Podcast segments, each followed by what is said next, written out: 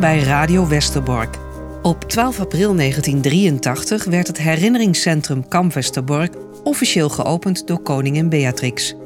Voor velen een belangrijk moment, want er was eindelijk een plek waar de geschiedenis van Kamp Westerbork werd verteld. We zijn nu 40 jaar verder en er wordt hard gewerkt aan een nieuw museum. Want er is ruimtegebrek door de toenemende belangstelling van scholen in combinatie met de vele gewone bezoekers en de gestaag groeiende collectie. En ook de eisen aan tentoonstellingen zijn veranderd. We moeten met onze tijd mee. In deze podcast spreekt directeur Bertien Minko over alle vragen en dilemma's die we in dit vernieuwingsproces tegenkomen. Het zijn gesprekken met betrokkenen, collega's en professionals die allemaal bezig zijn met de vormgeving van de herinnering aan de geschiedenis van Kamp Westerbork. In deze aflevering ga ik naar de Vrije Universiteit in Amsterdam om met docent Wim Manuhutu te praten over de geschiedenis van de Molukkers en vooral over hun lange verblijf in de Schattenberg. Zo werd kamp Westerbork vanaf 1949 genoemd. Ik ben ook op zoek naar antwoorden op de vraag hoe die twee geschiedenissen, de Holocaust en de dekolonisatie, zich tot elkaar verhouden. Mijn naam is uh, Wim Manuhutu, ik ben uh, historicus. Mijn ouders komen allebei uit Indonesië, het voormalig Nederlands-Indië. Mijn moeder is uh, Indo-Europees, mijn vader is Moluks. in 1951 naar Nederland gekomen, niet als militair, maar als jonge man mee met, met familie. Ik zelf ben in het kamp Vught geboren, het grote Duitse gevangenkamp in Brabant. Maar heb altijd veel familie in het noorden van het land gehad. En uh, zij hebben vooral in uh, Kamp Schattenberg gewoond. Want je kunt eigenlijk zeggen dat als je kijkt naar de verdeling van die 12.500 Molukkers die in 1951 naar Nederland kwamen, dat een uh, kwart is terechtgekomen in Schattenberg en een kwart is terechtgekomen in Vught. En alle anderen in pak een beet zo'n 70, misschien zelfs meer dan 70 woonoorden verspreid over het hele land. Maar Schattenberg en Vught, dat zijn eigenlijk de twee grootste kampen geweest. Met ook een hele ijvere infrastructuur. Um, kan je iets schetsen van dat Schattenberg? Van wat het voor plek was? Ja, het was natuurlijk een, uh, een, een, heel groot kamp geweest. Iedereen kent het verhaal natuurlijk van uh, het kamp in de Tweede Wereldoorlog. Uh, daarna een gevangenkamp geweest. Toen tijdelijk een tijdelijke opvang voor Indische Nederlanders. Dus mensen die ook uit Indonesië kwamen, maar tot een andere groep behoorden. Want de Molukse groep, als je kijkt naar die komst naar Nederland, is in die zin heel bijzonder. Omdat het niet ging om mensen die behoorden tot de Europese bevolkingsgroep ook niet juridisch gezien. Het waren bijna allemaal, uh, als je kijkt naar de mannen, militairen geweest van het Koninklijk Nederlands-Indisch uh, uh, leger, het KNIL. Die dus in Nederlandse dienst hadden gevochten. Maar belangrijk is geweest in 1950 dat in de Molukken is geprobeerd om een eigen staat te stichten, de Republiek der Zuid-Molukken. Dat is mislukt. En het is een combinatie van het opheffen van dat Koninklijk Nederlands-Indisch leger en de proclamatie van de Republiek der Zuid-Molukken, die er uiteindelijk toe heeft geleid dat uh, ja, die Molukse militairen en hun gezinnen, dus met vrouwen en kinderen, uiteindelijk uh, knel kwamen te zitten en tijdelijk uh, naar Nederland zijn overgebracht. En omdat de regering ontzettend omhoog zat met plekken waar ze die mensen tijdelijk konden huisvesten, is toen ook gekeken naar, behalve naar kastelen, vakantieoorden kazernes naar ook de twee grote Duitse kampen die er toch waren. Dus Vught in Brabant en uh, Schattenberg in, uh, in Drenthe. En als je kijkt naar, naar waar mensen dan terechtkomen, dat zijn dus letterlijk dezelfde barakken waar in de Tweede Wereldoorlog Joodse mensen hebben gezeten in afwachting van transport. Maar je ziet dat die beleving uh, zeker in het begin heel anders is. Het, is. het zijn heel veel mensen. In het begin werden mensen eigenlijk per transport uh, via Amersfoort verdeeld over het, uh, over het land. Dus mensen raakten soms familieleden kwijt. wisten niet waar die familieleden zaten. Soms zie je ook dat mensen gaan verhuizen naar Schattenberg, omdat ze dan dichter bij familie zitten. Maar als je kijkt naar de, naar de eerste paar maanden, toen iedereen nog dacht dat verblijf in Nederland is maar heel tijdelijk, dan zie je eigenlijk dat uh, de mensen zijn gewend om in Indonesië in kazernes te wonen met, met familie. Ze zijn gewend om om de zoveel jaar in een andere plaats uh, te gaan wonen. Dus dat leven in barakken, gezamenlijk, is op zichzelf helemaal niet zo uh, anders dan het leven dat ze gewend zijn in Indonesië. Met natuurlijk twee, denk ik, fundamentele verschillen. Het weer in Indonesië, waar je buiten natuurlijk uh, heel goed kunt leven. Hier in Nederland uh, heb je natuurlijk echt een heel ander weer waar je mee te maken hebt. En met name voor die soldaten van dat Koninklijk Nederlands-Indisch leger, het feit dat ze bij aankomst uh, plomp verloren uit militaire dienst werden ontslagen. En dat heeft ook van het begin af aan een hele ja, moeilijke relatie opgeleverd met een overheid waarvan ze tegelijkertijd compleet afhankelijk waren. Want die overheid zorgde voor onderdak, die zorgde voor voedsel, die zorgde voor kleding. Dus dat was vanaf het begin een hele, een hele rare, maar ook een hele moeilijke situatie. Ja, want mensen werden ontslagen, maar ze mochten ook niet werken. Waar leefden ze van? Nou, in het begin, uh, voorafgaande aan de komst van, uh, van de Molukkers, hadden vakbonden gezegd: Nou ja, er is heel weinig werk. We staan nog echt aan het begin van die wederopbouw. Dus wij zitten niet te wachten om nog meer uh, concurrenten op die arbeidsmarkt. Van een heel formeel verbod is nooit sprake geweest, maar het werd niet aangemoedigd. En bovendien was de afstand van uh, de Molukkers tot de Nederlandse arbeidsmarkt ook groot. Want mensen zeiden: ja, ik ben soldaat. Ik word tegen mijn wil ontslagen. Dus ik heb een baan, maar die wordt mij afgenomen. Bovendien sprak, uh, de, sprak de overgrote meerderheid van die Molukse mannen geen Nederlands.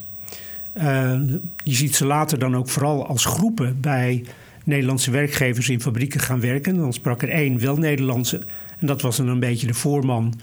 En uh, de andere mensen die, die, gingen dus via die voorman gewoon ook bij een fabriek werken waar mensen van leefden. Het, eten werd dus verzorgd door de overheid, kleding werd verzorgd door de overheid, onderdak en mensen kregen zakgeld. Dus drie gulden per, uh, per volwassene per week. Nou, daar kon je dus natuurlijk maar heel weinig van kopen. Meestal zie je dat mannen sigaretten kopen uh, en, en, vrouwen misschien uh, andere dingen. Maar je ziet ook dat die situatie per kamp verschilt. Nou, een heel groot kamp als Schattenberg had eigen voorzieningen had een hele grote, grote keuken. Daar werkten ook uh, Molukkers in die, uh, in die keuken. Want ja, wat, wat kregen mensen naar voren geschoteld? Uh, in eerste instantie vooral Hollandse kost. En afhankelijk van een beetje de kwaliteit van, de, van het Nederlandse personeel wat er zat, was dat redelijk eten. Dus je zou zeggen, nou, hetzelfde eten wat Nederlandse mensen aten. Maar sommige van die kampen, en ik heb daar niet echt verhalen van gehoord over Schattenberg, maar wel van andere kampen. Had je dat er personeel was dat zei van, nou weet je wat, als we die mensen nou gewoon eten geven wat eigenlijk al een beetje over de houdbaarheidsdatum heen is, dan kunnen we die marge ook nog wel gebruiken om, om daar eh, een centje aan te verdienen. Dus het, uh, je ziet zowel goede ervaringen waarbij mensen zeggen... we hebben goed samengewerkt met de beheerder en met de koks die er waren. We konden zelf ook koks aanleveren. Nou, dat was in een groter kamp als Schattenberg uh, wat gemakkelijker. Maar je hebt ook wel verhalen waarbij uh, mensen zeggen... ja, we kregen echt brood, dat was echt al, al nauwelijks meer, meer te eten. Het eten wat mensen in Indonesië natuurlijk aten was echt anders. Dus je ziet, als je praat over herinneringen van mensen... dat ze echt altijd zeiden, nou op het moment dat wij zelf uh, maar iets konden doen aan dat eten, dan deden we dat. Want ja, wij vonden dat Nederlandse eten gewoon niet uh, lekker. Die aardappels en, uh, en die groenten en, en, de manier van eten. Dus mensen probeerden zo snel mogelijk wel ja, daar een eigen draai aan te geven. In een groot kamp als, als Schattenberg had je ook een eigen ziekenhuis. met, met ook op een gegeven moment een, een arts van Molukse komaf, uh, dokter de Costa, met, met verplegend personeel, waarvan een deel ook uit, uh, uit Indonesië kwam met ook wat uh, Molukse verplegers. En je ziet natuurlijk dat, dat dat, dat werd toen nog helemaal niet zo genoemd, maar dat is eigenlijk een soort van hele vroege voorloper van wat, wat dan nu interculturele zorg werd genoemd. Want heel veel van de patiënten op die scholen spraken natuurlijk geen Nederlands. En dan wordt het communiceren tussen arts en uh, patiënt natuurlijk heel moeilijk. Nou, datzelfde gold ook voor de school. Je had een grote school in, uh, in Schattenberg. En als je kijkt naar foto's en fotoboeken die er zijn gemaakt, dan zie je altijd echt een hele horde met, met, uh, Molukse, met Molukse kinderen. En ook daar had je onderwijzers die soms van Molukse komaf waren. Een hele bekende is meneer Koehuwail. Maar soms in ieder geval hadden gewerkt in, in Indonesië. Omdat kinderen komen op school, spreken geen woord Nederlands, maar komen in het Nederlands onderwijssysteem terecht. En, en dan zie je ook het begin van wat later voor die tweede generatie natuurlijk een hele grote uitdaging, maar soms ook een hele grote barrière uh, werd, de beheersing van het Nederlands. Want vroeger werd gezegd, ja goed, als je zoveel fouten maakt met D's en T's en met de, het en een en in het Maleis heb je geen lidwoorden. Dus dan, ja, of het nou de meisje is uh, of, of een meisje, ja, dat, dat is niet iets wat je nou, uh, laten we zeggen, aan, aanvoelt. En je ziet daar dat eigenlijk heel veel kinderen doorstromen naar ja, wat toen nog de huishoudschool en de ambachtschool heet ik zeg altijd eerlijkheidshalve erbij. Nederlandse en Drentse kinderen van landarbeiders en fabrieksarbeiders, daarvan werd ook gezegd: studeren is niet voor jou weggelegd in de jaren 50. Ga jij maar uh, iets doen met je handen, want dat is waar je uiteindelijk toch zal eindigen. Dus je moet, denk ik, ook in oogschouw nemen dat Nederland in dat opzicht natuurlijk in die tijd toch helemaal een rangen- en standenmaatschappij was. Ja, dus je was kansarm en dat bleef je dan. Ja, ja dus uh, bekende spreekwoord: als je voor een dubbeltje geboren wordt, word je nooit een kwartje. En noem maar op. Maar dat, dat gold natuurlijk voor die, voor die Molukse groep helemaal. Maar zeker in die eerste, ook toen die eerste maanden voorbij was, bleef dat perspectief: wij gaan weg. Nederland is niet ons land. En de meeste mensen woonden, net zoals in Schattenberg, natuurlijk in een woonoord uh, dat geïsoleerd was van de omgeving. Nou, wie kwamen er in, in zo'n kamp? Dat waren de mensen van de overheid, die, uh, die uh, beleidsmatig voor ze moesten zorgen. Maar je had dan op een gegeven moment ook handelaren. Die hadden al heel snel door dat, ja, ook al is, hebben de mensen weinig te, te besteden, er is altijd wel wat te besteden. Dus wat je dan ziet is dat een, mensen komen met fruit of die komen dan met spulletjes in zo'n kamp. Uh, moesten wel dan een slagboom langs, want daar werd echt op, op toegezien door, door de overheid. En vanaf het eind van 1952 is dat zelfs een speciale dienst, het commissariaat van uh, Ammonese wat heel veel overeenkomsten vertoont met het COA. je ziet ook de manier waarop mensen worden opgevangen worden weggehouden. Het idee van hè, het is maar voor tijdelijk. Nou, mensen zelf geloven daar ook in. Je ziet eigenlijk die afhankelijkheid. Mensen moeten niet werken, worden op afstand gehouden. Nou, daar zie je zoveel, zoveel parallellen met uh, wat er natuurlijk uh, sinds een aantal decennia met vluchtelingen en als asielzoekenden gebeurt. Dat is gewoon als je dat hebt meegemaakt en als je daar weet van hebt, van hoe Molukken zijn opgevangen. Dan zie je Ter Apel en Schattenberg eigenlijk in één lijn. Ja, met, met, met die verstande dat, dat mensen zelfs in die kampen niet buiten uh, in de regen hebben moeten slapen. Want ik denk dat dat echt een. Uh, gelukkig vinden heel veel mensen dat zich een absoluut dieptepunt. wat we natuurlijk hebben gezien de afgelopen, afgelopen maanden. Maar de manier, je stopt mensen ver weg. Ehm, ze mogen heel veel dingen niet. Ehm, er is één dienst uh, die daarvoor uh, verantwoordelijk is. Dat zijn de parallellen. En hoe langer het duurt. En we zien natuurlijk ook dat bijvoorbeeld nu uh, sommige mensen die een status hebben, dus in Nederland mogen blijven, jarenlang in zo'n centrum zitten, jarenlang weg worden gehouden.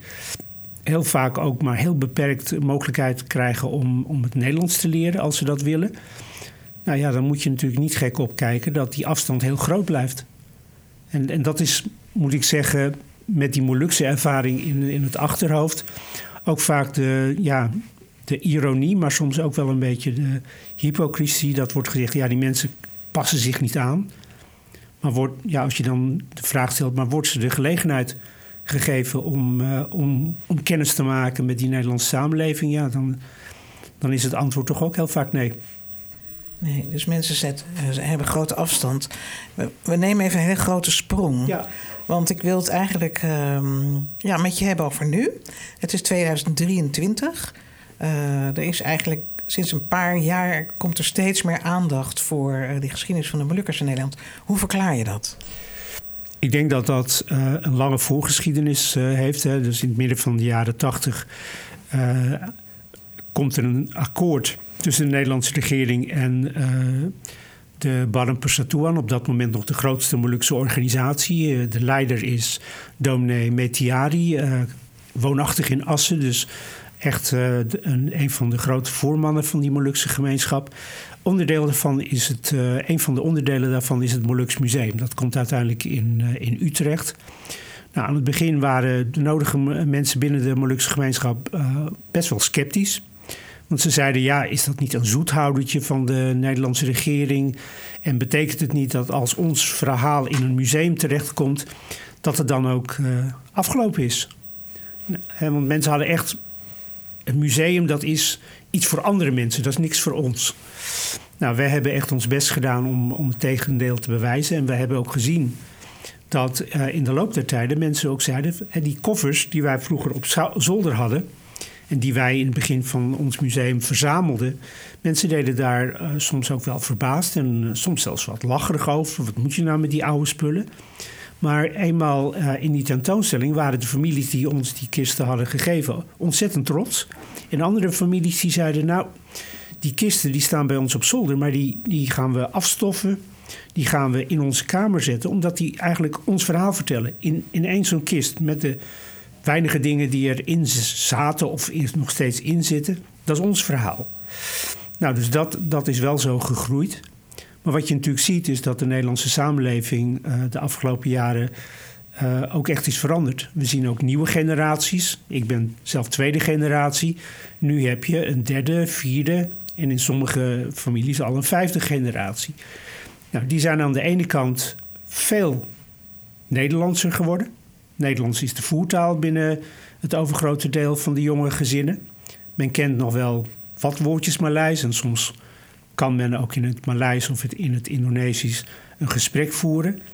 Maar het is heel anders dan toen ik jong was. Al die ouderen die spraken bijna alleen maar Maleis. En die hebben uh, Nederlands moeten leren om te kunnen overleven.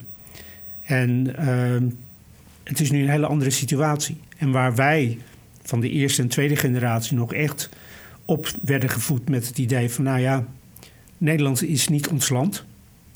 Ehm, zie je dat zo'n jongere generatie, en dat geldt voor heel veel jongeren uit uh, migrantengemeenschap, niet alleen postkoloniale migranten, maar ook arbeidsmigranten, maar ook uit vluchtelingen en asielzoekersgemeenschappen, die zeggen nee, Nederland is ook ons land. Dus ons verhaal uh, doet ertoe.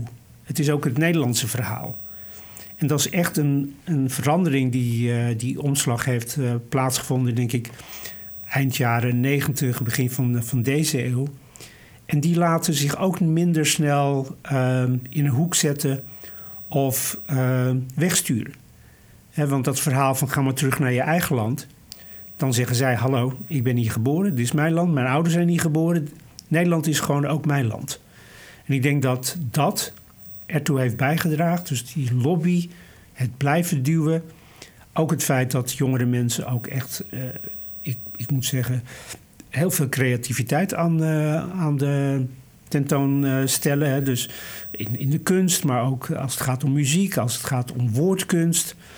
Nou, dat doen ze op zo'n manier dat hun stem niet meer te negeren is. En ik denk dat dat allemaal heeft bijgedragen. Ze maken natuurlijk makkelijker ook contact met Nederlandse leeftijdsgenoten. Met witte Nederlandse leeftijdsgenoten, om het zo, zo eens te zeggen. Waardoor je ja, toch veel meer van die dwarsverbindingen krijgt. Waardoor dat verhaal uh, nu veel meer een podium heeft. En technologie heeft ook mij bijgedragen. Je bent niet meer afhankelijk van de traditionele media. Als je zelf uh, op YouTube of op andere, andere sociale media iets interessants doet, dan heb je zo uh, heel veel volgers.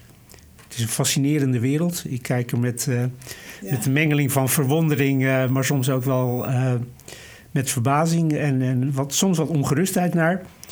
Maar dat betekent dat dat verhaal veel meer uh, in de samenleving circuleert. Wij zijn bezig met de vernieuwing van, uh, van Westerbork. Mhm. En we willen graag uh, ja, meer ruimte en meer aandacht geven aan het verhaal Schattenberg. Hoe denk jij dat we dat zouden moeten doen? Oeh, uh, een hele uitdagende vraag, zou ik zo maar zeggen. Ik denk dat, dat, ik denk dat het heel goed kan. Hè, want ik geloof echt, uh, echt hartstochtelijk, zou je haast kunnen zeggen... in het idee wat uh, een aantal jaren geleden door uh, Michael Rothberg uit Amerika... zo mooi is uh, genoemd multidirectional memory. Dat betekent eigenlijk heel simpelweg gezegd... dat herinneringen niet met elkaar concurreren... maar elkaar kunnen versterken en kunnen verrijken betekent ook dat je niet uitgaat van uh, een, een, koek die uh, alleen maar een bepaalde omvang heeft en waar meer aandacht voor de een altijd ten koste gaat van aandacht voor de ander. Maar eigenlijk van een veel dynamischer begrip van wat uh, collectief geheugen is. Collectief geheugen wat ruimte kan bieden voor nieuwe verhalen. Waarbij mensen vooral ook overeenkomsten zien zonder, laten we zeggen, de uniciteit dus het unieke karakter van de eigen herinnering of de groepsherinnering, uh, dat die eigenlijk uh, oplost. Want dat is, dat, is niet, eh, dat is niet aan de hand. Ik denk juist dat als je meer verhalen hoort, gelijksoortige verhalen hoort, over mensen die moeten vluchten onder verschrikkelijke omstandigheden, mensen die ontheemd raken, mensen die een nieuw bestaan proberen op te bouwen, mensen die hun kinderen een toekomstperspectief proberen te bieden, dat je dat je daardoor meer ehm, ja, begrip, om, om toch maar dat woord te gebruiken, kunt hebben voor andere verhalen. En dat het niet zo is dat je zegt: het is alleen mijn verhaal wat ertoe doet en die andere verhalen interesseren me eigenlijk niet. Dat, ik geloof echt dat dat niet, dat dat niet uh, zo hoeft te zijn. En ik geloof eigenlijk uh, ook heel erg dat de enige manier om toekomstgericht te werken, ook als uh, een museum of als een herinneringscentrum, is juist om die verbinding te zoeken. En dan niet, zoals nu wel eens wordt gezegd, om politiek correct te zijn, maar juist om te laten zien, als je op een bepaalde plek staat, dan zie je dat al die verschillende geschiedenissen uh, door elkaar spreken. Wij zijn in, in de voorbereiding van het Molux Historisch Museum eens een keer uh, gaan praten met de directeur toen van nog van uh, de toenmalige directeur moet ik zeggen van het Joods Historisch Museum. En ik vertelde, nou ja, ik ben in Vught geboren. Ik heb daar een deel van mijn jeugd uh, doorgebracht. En toen zei hij, nou, mijn ouders hebben ook in Vught gezeten. Dan heb je direct een connectie in de wetenschap dat natuurlijk hun ervaring daar een volstrekt andere is geweest dan, uh, dan die van mij. Maar je deelt, je deelt die plek met elkaar. En ik denk dat dat eigenlijk ook de kracht is van. We leven natuurlijk in een digitale wereld en we moeten ook gebruik maken van alles wat die wereld ons te bieden heeft. Maar het feit dat je op een plek kunt staan en je kunt in de wetenschap dat al die verschillende geschiedenissen zich hier hebben afgespeeld. Ik denk dat dat bijzonder is en dat dat ook de kracht zal zijn. En ik ben er echt van overtuigd dat mensen die naar zo'n plek komen, dus in dit geval naar, naar, naar Westerbork, als ze het verhaal van Schattenberg horen, dat ze, dat ze voor een deel verbaasd uh, zullen zijn. Maar ook omgekeerd, mensen die vooral het verhaal van Schattenberg horen en het verhaal van Westerbork maar heel oppervlakkig kennen, dat het ook die kant uh, op, op, uh, op werkt. Dat mensen als ze echt ook de menselijke verhalen horen van uit die verschillende perioden, dat ze, dat ze meer begrip voor elkaar zullen, voor elkaars verhaal zullen, zullen krijgen. En ik denk dat dat de kracht is van bijvoorbeeld Westerbork, Schattenberg. Wij hadden laatst hadden we een, ja, we waren met architecten aan het praten. We hadden het over barakken reconstrueren, gebouwen, musea. En toen zei de collega van mij, die zei... we moeten eerst aan de Molukse gemeenschap zelf gaan vragen... wat willen ze eigenlijk wel een museum? Dus wat is de beste manier om jullie verhalen goed te vertellen? Nou, ik denk dat dat uh, echt een hele, een hele goede vraag is. Hè? Dat, uh, zeker nu, dat als je met gemeenschappen werkt dat, uh, dat de enige uh, houding is: we gaan eerst naar jullie luisteren. Wat willen jullie nou? Nou is zo'n gemeenschap niet één monolithisch uh, geheel. Hè, want Schattenberg is, laten we zeggen, het, het moederwoonoord geweest van de Molukse gemeenschappen in Bovensmilde, in Assen, maar ook verder weg tot aan in Zuid-Holland, Capelle aan de IJssel, waar ook een flink aantal mensen uit Schattenberg terecht is gekomen in fase. Dus als je het hebt over de Molukse gemeenschap, dan, dan is het altijd goed om te beseffen. Die is, die is net zo divers als welke andere gemeenschap dan ook. Dus als je met iemand spreekt, moet je altijd van bewust zijn dat er vast wel andere mensen zijn met hele andere opvattingen. Maar het idee, die grondvraag die je net noemde, is denk ik wel heel interessant om te zeggen: nou, wat willen mensen wel dat hun verhaal uh, op een of andere manier wordt gemusealiseerd, dus in een museum wordt gestopt? Ik denk, maar nogmaals, ik spreek nu echt voor mijn beurt, omdat ik A. niet uit, uit, uit Drenthe kom en natuurlijk door mijn werk in musea bevooroordeeld ben.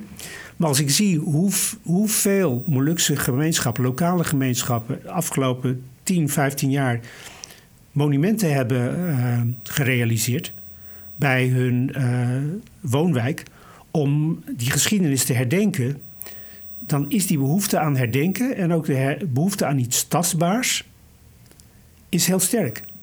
Want had je denk ik aan die eerste generatie mannen en vrouwen in 1951 gevraagd een monument, of misschien zelfs tien jaar later, dan hadden ze je gek aangekeken, want wij zouden toch weggaan.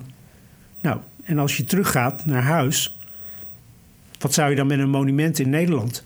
Ook daar zie je een verandering. Mensen zeggen toch, ja, wij zijn hier, wij blijven hier. Ook al blijft de band met, uh, met de Molukken heel erg sterk. Dat geldt ook voor jongeren trouwens. Dus wij willen ons verhaal ook ergens zien. Uh, niet alleen in een Molux museum, maar ook in een museum wat ons regionaal verhaal kan vertellen. want het verhaal van de Drentse gemeenschap is natuurlijk in die zin uniek, omdat daar ook de kapingen en de gijzelingen hebben plaatsgevonden in de jaren 70. Daar moet je ook wat mee als je dat verhaal wil doortrekken naar het, uh, naar het nu.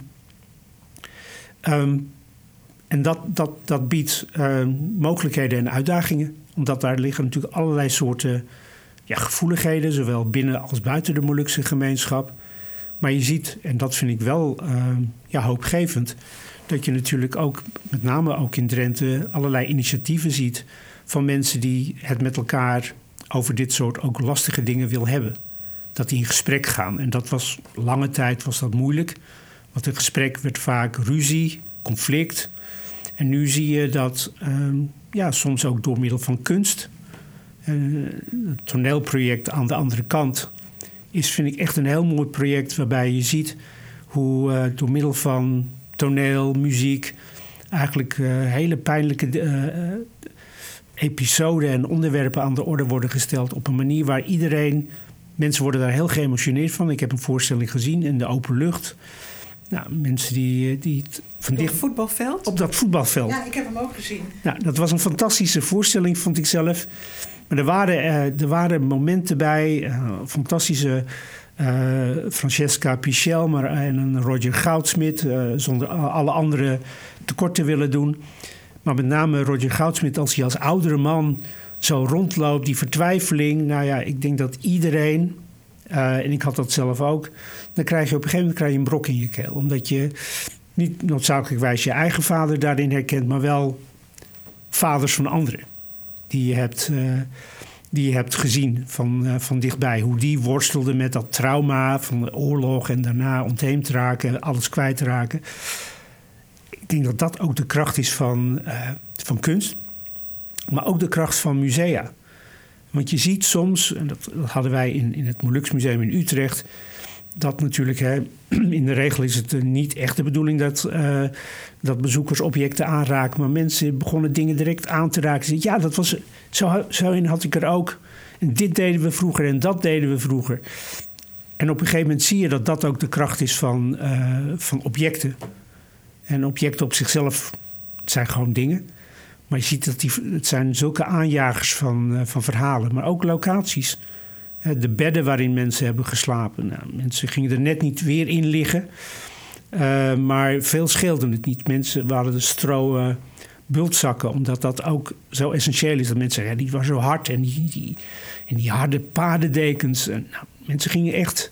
En door het aanraken, door het te zijn zag je die verhalen. Nou, je had geen, je had geen tour of geen gids nodig. Mensen waren hun eigen gids.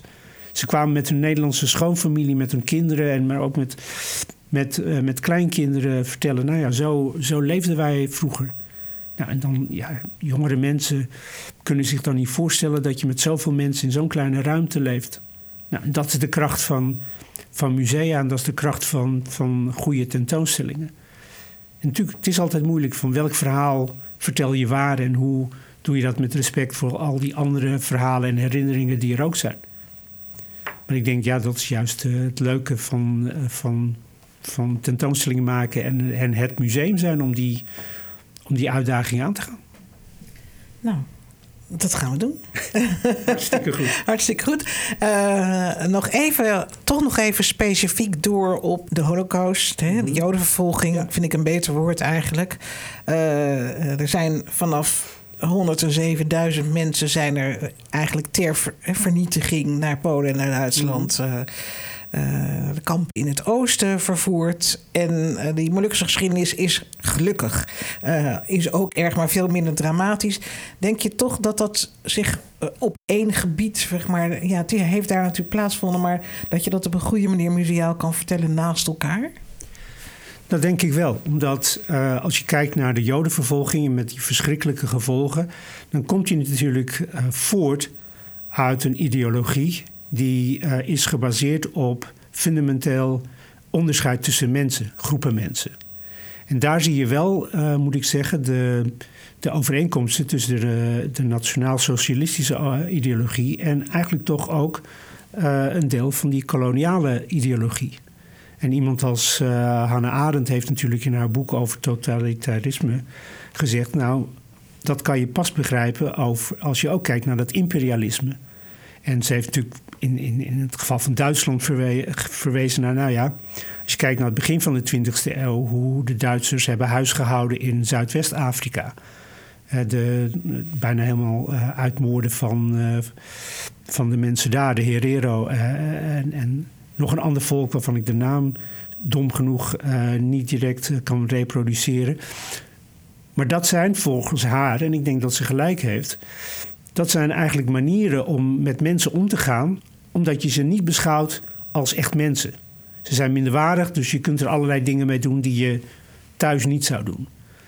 Uiteindelijk zie je natuurlijk dat, dat dan in Europa zich die uh, ideologie ontwikkelt die zegt: Nou, in Europa hebben we ook een hele hele groep mensen, dat zijn eigenlijk ook geen mensen, die zijn minderwaardig. Dus ik denk dat wat dat betreft, die hiërarchie, ook al heeft dat in, die, in het Molukse verhaal anders uitgewerkt, dat dat een aanknopingspunt kan zijn. Dat je kunt laten zien dat ook daarna, helaas, van na de Tweede Wereldoorlog werd eigenlijk gezegd: dit nooit meer. Maar we moeten helaas constateren dat natuurlijk etnische zuiveringen, uh, genocides op groepen mensen alleen maar omdat ze als anders worden beschouwd, als niet menselijk, dat dat uh, zaken zijn die tot op de dag van vandaag doorgaan. Dus ik denk dat je zonder enige afbreuk te doen aan die ontzettende verschrikking van de Jodenvervolging, en zeker ook hier in, in Nederland, waar natuurlijk verhoudingsgewijs in West-Europa is er geen enkel ander land waar zoveel Joodse mensen om het leven zijn gebracht met het verhaal wat via de koloniën eigenlijk tot aan de dag van vandaag. Dus ik denk dat, dat het verhaal goed te vertellen is zonder dat je op enige manier afbreuk doet aan, aan het verhaal van, uh, van de Jodenvervolging. Daar ben ik echt van, van overtuigd. En natuurlijk zullen er altijd mensen zijn die zeggen: nee, het is zo'n bijzondere plek. Dan mag je helemaal geen ander verhaal vertellen. Ja, dan zou ik. Mijn antwoord zou zijn. Uh, met alle respect, daar verschil ik, daar verschil ik dan van mening met u over. Hè. Ik gun u, uh, u heeft recht op, op uw mening. Maar ik denk dat als je echt een museum wil zijn, dan zou het heel gek zijn om dat verhaal niet te vertellen. Omdat het, het is niet ergens anders gebeurd, maar precies op diezelfde plekken. En dan zou je, ja, dat, zou, dat zou op den duur, naar de toekomst toe, denk ik heel ongemakkelijk voelen. Als je je bezighoudt met erfgoed, met geschiedenis. En je wilt dat op een, uh, op een goede manier vertellen. Oké, dankjewel. Met een hoofd vol kennis, verhalen en lessen verlaat ik de VU. De grote vraag voor de komende jaren zal niet zijn of we over Schattenberg gaan vertellen, want daarvan ben ik overtuigd, maar wel hoe we dat op de juiste manier gaan doen.